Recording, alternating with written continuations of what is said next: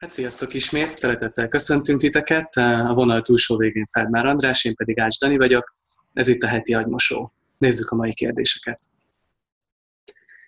26 éves vagyok, lassan 5 éve élek Budapesten. Ennyit nem éltem még sehol egy húzamban. Folyton költöztem városról városra, országról országra, most még a kerületet sem hagytam el évek óta. Amikor múltkor hazafele sétáltam munkából, és erre a nagyvárosra tekintettem, azon gondolkodtam, hogyan lehetséges az, hogy egy ekkora városban ilyen egyedül érzem magam. Csak két barátom van, ők nem itt élnek, ritkán találkozunk. Ezen kívül van egy-két ember, akikkel néha-néha összefutok. Valahogy nem találom a helyem, és nagyon magányosnak érzem magam. Rendkívül nyitott, pörgős, extrovertált és jó humorú lány vagyok, úgyhogy nem értem, hogy lehetséges, hogy legtöbbet mégis egyedül vagyok. Csinálok sok mindent. El vagyok. De én nem csak el akarok lenni. Velem van a baj. Alapvetően nem nagyon tudok felszínes témákról beszélgetni, felszínes kapcsolatokat fenntartani. Szeretem a mély beszélgetéseket. Lehet ez a baj? Hogy kevés az ilyen ember? Vagy nem vagyok elég jó társaság? Többet kéne eljárnom? De hova? Meg kikkel? Hiányzik, hogy tartozzak valahová. Irigykedve nézem az esténként söröző nagyobb társaságokat. Nekem miért nincs társaságom? Amíg ezt írom, látok magam előtt több millió embert, akik most szintén magányosan fekszenek az ágyban, és ugyanezen gondolkodnak. Vajon a modern világ hátránya ez?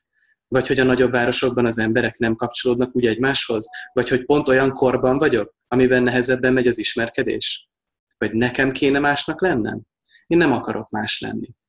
Köszönöm a válaszod. Timi.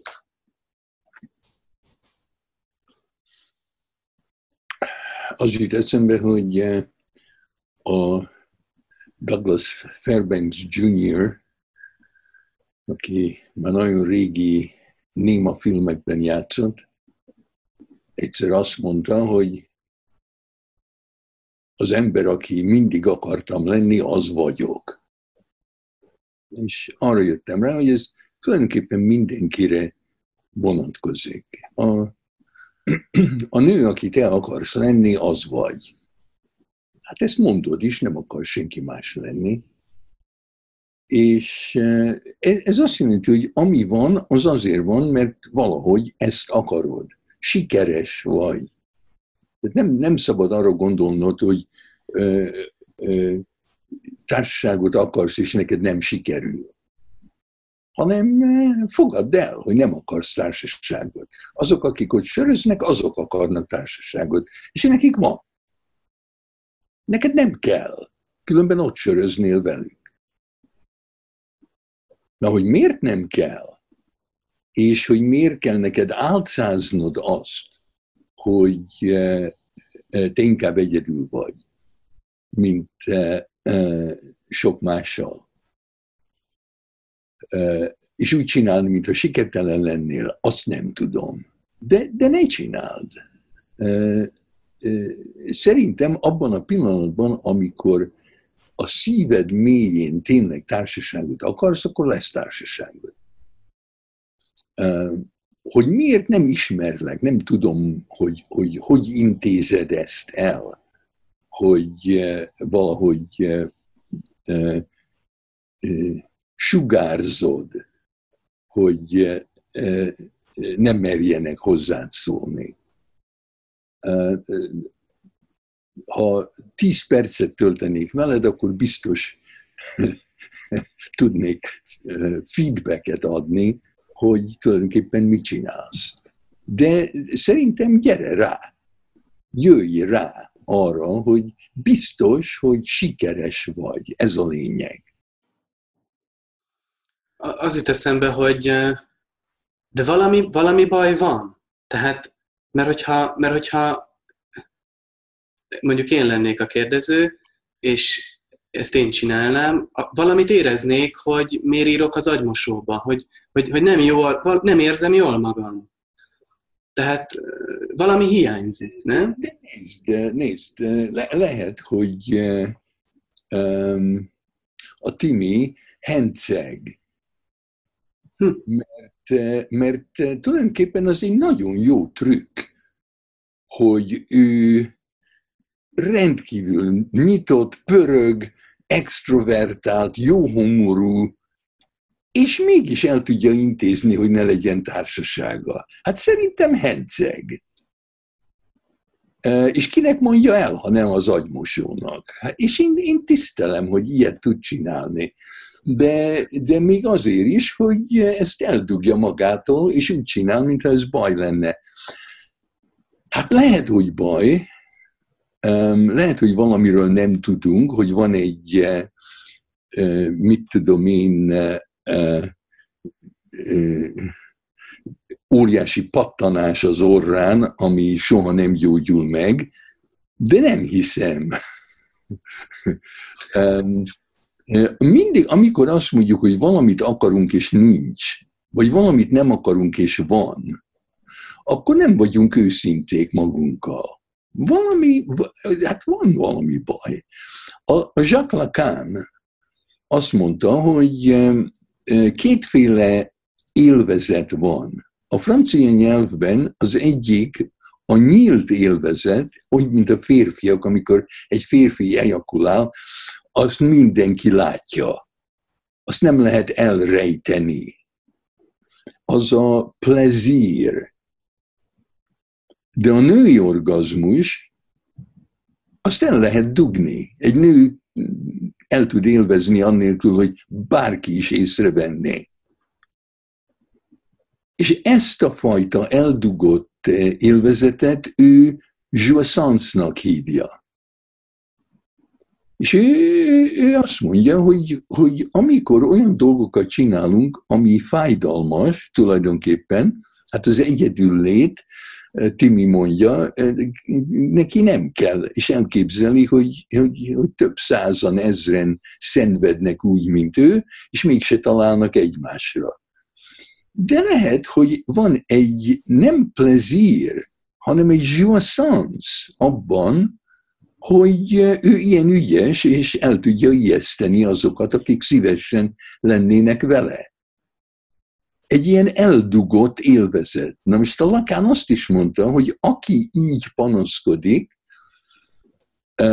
attól azt nagyon nehéz megszabadítani a fájdalmától, mert tulajdonképpen a jouissance um, um, megjutalmazza az illetőt, és folytatja. De lehet, hogy nincs igazam, csak ez jut eszembe. Uh-huh. Uh-huh. Én, én, nekem voltak ilyen élményeim az életemben, amikor, amikor fájdalmat és reménytelenséget éreztem, de valahol volt benne egy, egy sens. Ja, ja. És így abban biztos lehetek. Tehát, hogyha tudom magamat sanyargatni, az biztos. De hogyha egy másikkal akarom élvezni magam, az soha nem biztos. Az mindig függ valakitől. Ha az ember független akar lenni, akkor sanyargassa önmagát. Oké. Okay. Nézzük akkor a következő kérdést. A tárgya a levélnek skizofrénia fogságában? Kedves András és Dani, már több mint fél éve kapott el a pszichiátria, ahol paranoid skizofrénnek diagnosztizáltak. Számomra nem újdonság, hisz ez már a harmadik transzcendens élményem, amiből kijöttem magamtól. Azaz a legutolsó alkalommal a zárt osztályon eszméltem csak, hogy hoppá! A történet nagyon röviden annyi, hogy amikor elváltak a, elváltam a volt feleségemtől, anyámhoz és apámhoz költöztem vissza. Anyámról annyit illik tudni, hogy nagyon erős akaratú domináns nő. Amikor úgy határoztam, hogy a tanult mintát alkalmazva a dominanciámat anyáméval mérem össze. Hetekig nem aludtam. Állandóan pörögtem, míg nem egy szép reggel arra ébredtem, hogy egyé váltam a mindenséggel. És úgy döntöttem, hogy nem megyek be a munkahelyemre. Innentől érzem magam zsákutcában. Anyámék elcipeltek a házi orvoshoz, egy évig és türelmesen, ó, bocsánat, egy rossz papírt eh, néztem, Szóval kaptam egy beutalót a pszichiátriára, és azóta tart a gyógyszeres kezelésem. Kezdetben nagyon erősen begyógyszereztek, majd valamennyit csökkentettek az adagon, de a kezelés még most is tart. Tudom, hogy nem lenne rá szükségem, de beveszem. Nem látom a folyamat végét, és nem is érzem magam teljesen önmagamnak. Meddig szedjek gyógyszereket? Örökké, amíg élek? Rövid voltam és felületes, bár tudnék még írni a választ, előre is köszönöm. Üdvözlettel, V. Love. Hát szerintem te nem paranoid skizofrén vagy, te hülye vagy. hát olyanokat mondsz, hogy ketté áll a fülem. Hát az egyik hibát a másik után követed el. Az érdekes kérdés az, hogy miért? Azért, mert az anyádnak erős az akarata, azért neked be kell adnod a derekad. Azért neked össze kell törnöd magad, és meg kell mérgezned magad, és el, elveszíted a szabadságodat? Hát az, az, az tényleg, mi ez, bosszú? Ne, nem értem, hogy, hogy, hogy az biztos, hogy te is akaratos vagy, de miért akarsz rosszat magadnak? Soha nem titulálnának paranoid schizofrénnek, ha vigyáztál volna magadra, és vigyáztál volna arra, hogy kinek mit mondsz. De mint hogyha akartad volna, hogy elkapjanak. Valami eldugott vágyad az volt, hogy, hogy megszerezd magadnak ezt a címkét, és sikeresen megszerezted. De hát ha, ha el akarod kerülni, akkor, akkor úgy, mint a régi alkemisták, do, dare and be silent. Csináld, amit akarsz, bátran, de kussolj. Miért kell, miért kell beszélgetni az ellenséggel arról, amit, ami történik veled? Beszélj róla baráttal, aki nem ijed meg attól, hogy neked milyen élményeid vannak. Tehát nem értem, hogy miért fontos neked az, hogy zárt osztályra kerülj, mikor vége a házasságodnak és szabad vagy, akkor miért dobod el a szabadságodat, és mész haza anyádhoz, apádhoz. Nagy, a világ óriási, de te visszamentél az anyamébe, hát most újra meg kell majd születned. Lehet, hogy azért, hogy, hogy szeretsz megszületni. Kezelés. Hát téged nem kezelnek, téged megmérgeznek, téged orvosságolnak. Az nem kezelés, nem vagy beteg, nem is tartod magad betegnek, mert úgy beszélsz, hogy neked transzcendens élményeid voltak. De hát azokhoz mész, akik ezt nem veszik komolyan, akik röhögnek rajtad, és azt mondják, hogy aki azt mondja, hogy transzcendens élményei vannak, azt kezelni kell. Tudod, a vakok országában, ha valaki lát, akkor eh, kitapogatják, hogy ho-ho, itt ez az ember lát, akkor a kezelés az, hogy kiszúrják a szemét. És akkor te kérdezed tőlem, hogy hagyd el, hogy kiszúrják a szemeidet. Hát micsoda kérdés ez? Meddig szedjél gyógyszereket? Hát ők azt mondják, hogy persze, hogy addig, amíg élsz, mintha cukorbeteg lennél, akkor inzulin kell, és az életed végéig inzulint szedsz be. Hát az lehet, hogy igaz, mert az tényleg az orvostudomány. De az, hogy egyszer skizofrén, örökké skizofrén, hát azt már sokan megkérdőjelezték, és hogyha engem címkéznének ezzel, akkor én komolyan venném, és megnézném, hogy, hogy ki mit mondott erről, és kinek higgyek, és kinek adjam oda magam, ha valakinek. Hát vigyázz magadra. Azt az idézetet hallottam, sajnos nem emlékszem, hogy ki mondta a képzésemen, ahol most járok, hogy a skizofrénia rosszul kezelt pszichózis. Ja, de hát akkor odáig megyünk, hogy akkor mi a pszichózis. Mert, mert, mert szerintem az sincs. Az is egy, egy reakció egy megőrjítő környezet hozza ki az emberből, akinek esetleg van tehetsége rá. De hát olyan körülményeket kell keresni, olyan társaságot és olyan ö, ö, körülményeket, ahol, ahol nem kell pszichotikusnak lenni, vagy skizofrénnek. Ez lenne az igazi művészet, az életművészet az, hogy az ember talál magának olyan környezetet, ahol örömmel tud élni. Egyetértek. Nézzük meg a mai utolsó kérdésünket. A tárgy nehéz ügy. Kedves András és Dániel, kb. másfél éve titkos szeretői kapcsolatba kerültem egy házas, 37 éves, azóta már három gyermekes asszonynal, aki mellesleg a párom munkatársa és ráadásul barátnője is egyben. Sok időt töltöttünk együtt az elmúlt néhány évben, sok időt töltött együtt az elmúlt néhány évben a két pár, például üdülni is többször négyesbe mentünk. Úgy érzem, nagyon mély szerelem volt ez, ami részemről még a mai napig is tart. A kapcsolatból gyermek fogant.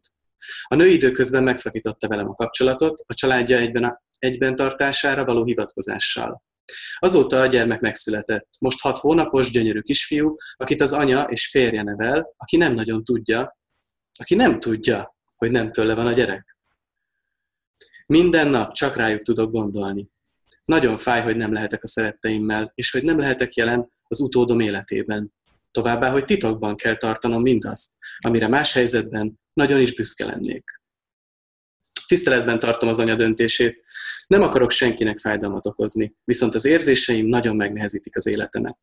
Tudom, hogy nagyon sok szempontból elítélendő, amit tettünk, de sajnos ami történt, az megtörtént. Erről az egészről csak az anya és én tudok. Mit tehetnék, hogy hogy lehetne ezt a helyzetet kezelni? Köszönettel, Skywalker, 30 éves.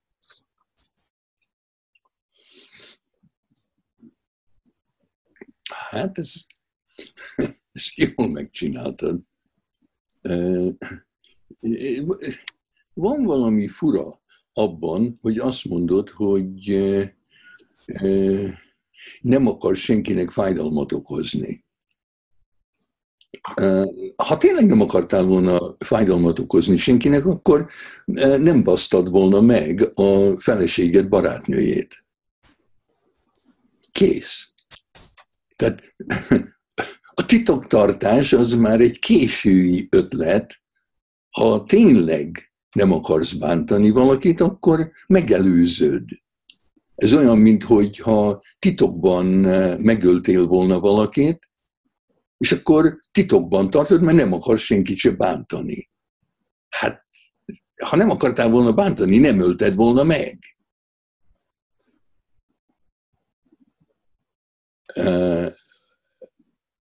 Hát mit tehetsz?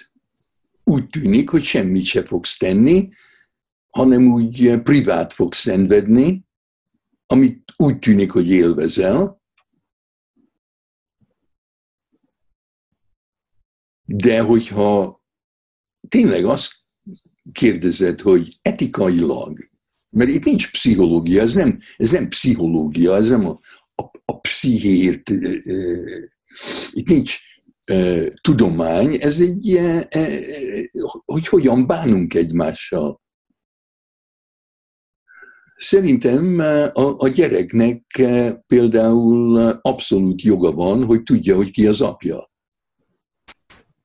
Én többször az 50 éves karrierem folyamán találkoztam olyan fiatal emberekkel, akiket bevittek a pszichiátriára, mert például nyilvános helyen elkezdett ordítani a fiú, 20-25 éves között valami olyas mi fiatal ember, elkezdett ordítani, és mutatni a mutató ujjával az apja felé, aki mindenki azt hitte, hogy az apja, és elkezdett ordítozni, hogy ez az ember nem az apám. És bevitték a pszichiátriára, kényszer zubonyban. És akkor a gyerek anyja, a fiú anyja jött terápiába, és bevallotta, hogy bár senki nem tudja, tényleg a férje azt hiszi, hogy ő az apja, de valójában a gyereknek igaza van, az ő férje, az nem a, a fia apja. És kérdezte, hogy most megmondja-e neki, és akkor esetleg abba hagyja a, a, a, megőrülést, vagy már megőrült, és akkor mindegy, akkor minek mondja meg. E, e, ez a Langnek a rendelőjébe történt, és én éppen ott voltam, engem, én szupervízióban voltam a Lenggel, és a Leng elgondolkozott egy kicsit ezen a kérdésen, és nagyon szeretettel teli hangon mondta a, az anyának, hogy hát ide figyeljen. Ha nem mondja meg az igazat mindenkinek, akkor soha nem fogjuk tudni, hogy ki jön ebből az őrületből a fia, vagy sem. Ha megmondja, akkor tudni fogjuk. Vagy ki jön, vagy nem jön ki.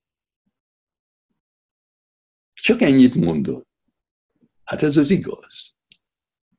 A nő megmondta, a nő megmondta a férjének, a nő megmondta a gyereknek, három napon belül a gyerek teljesen normális volt, és kiengedték a pszichiátriáról, és soha többi nem őrült meg, bár mindenki nagyon dühös volt a mamára, hosszú távon mindenki jobban érezte magát. Hát én azt mondanám, hogy ha tényleg becsületes ember akarsz lenni, akkor összehívod a, a, a, a két családot, és elmondod a történetet. Lesz, ami lesz. Esetleg, okay, ha, ha együtt tudtok uh, nyaralni, akkor lehet, hogy együtt tudtok élni. És akkor mindenki szeretkezhet mindenkivel, és mindenki uh, gyereke mindenkié lehet. Hát mit tudom én? De hát ne azért csináld, mert én mondom, hanem gondolkozzá. Nehéz helyzet, ahogy mondod. Uh-huh. Nehéz ügy. Köszönöm, András. Köszönjük nektek is a figyelmeteket és a kérdéseiteket. Legközelebb folytatjuk. Sziasztok!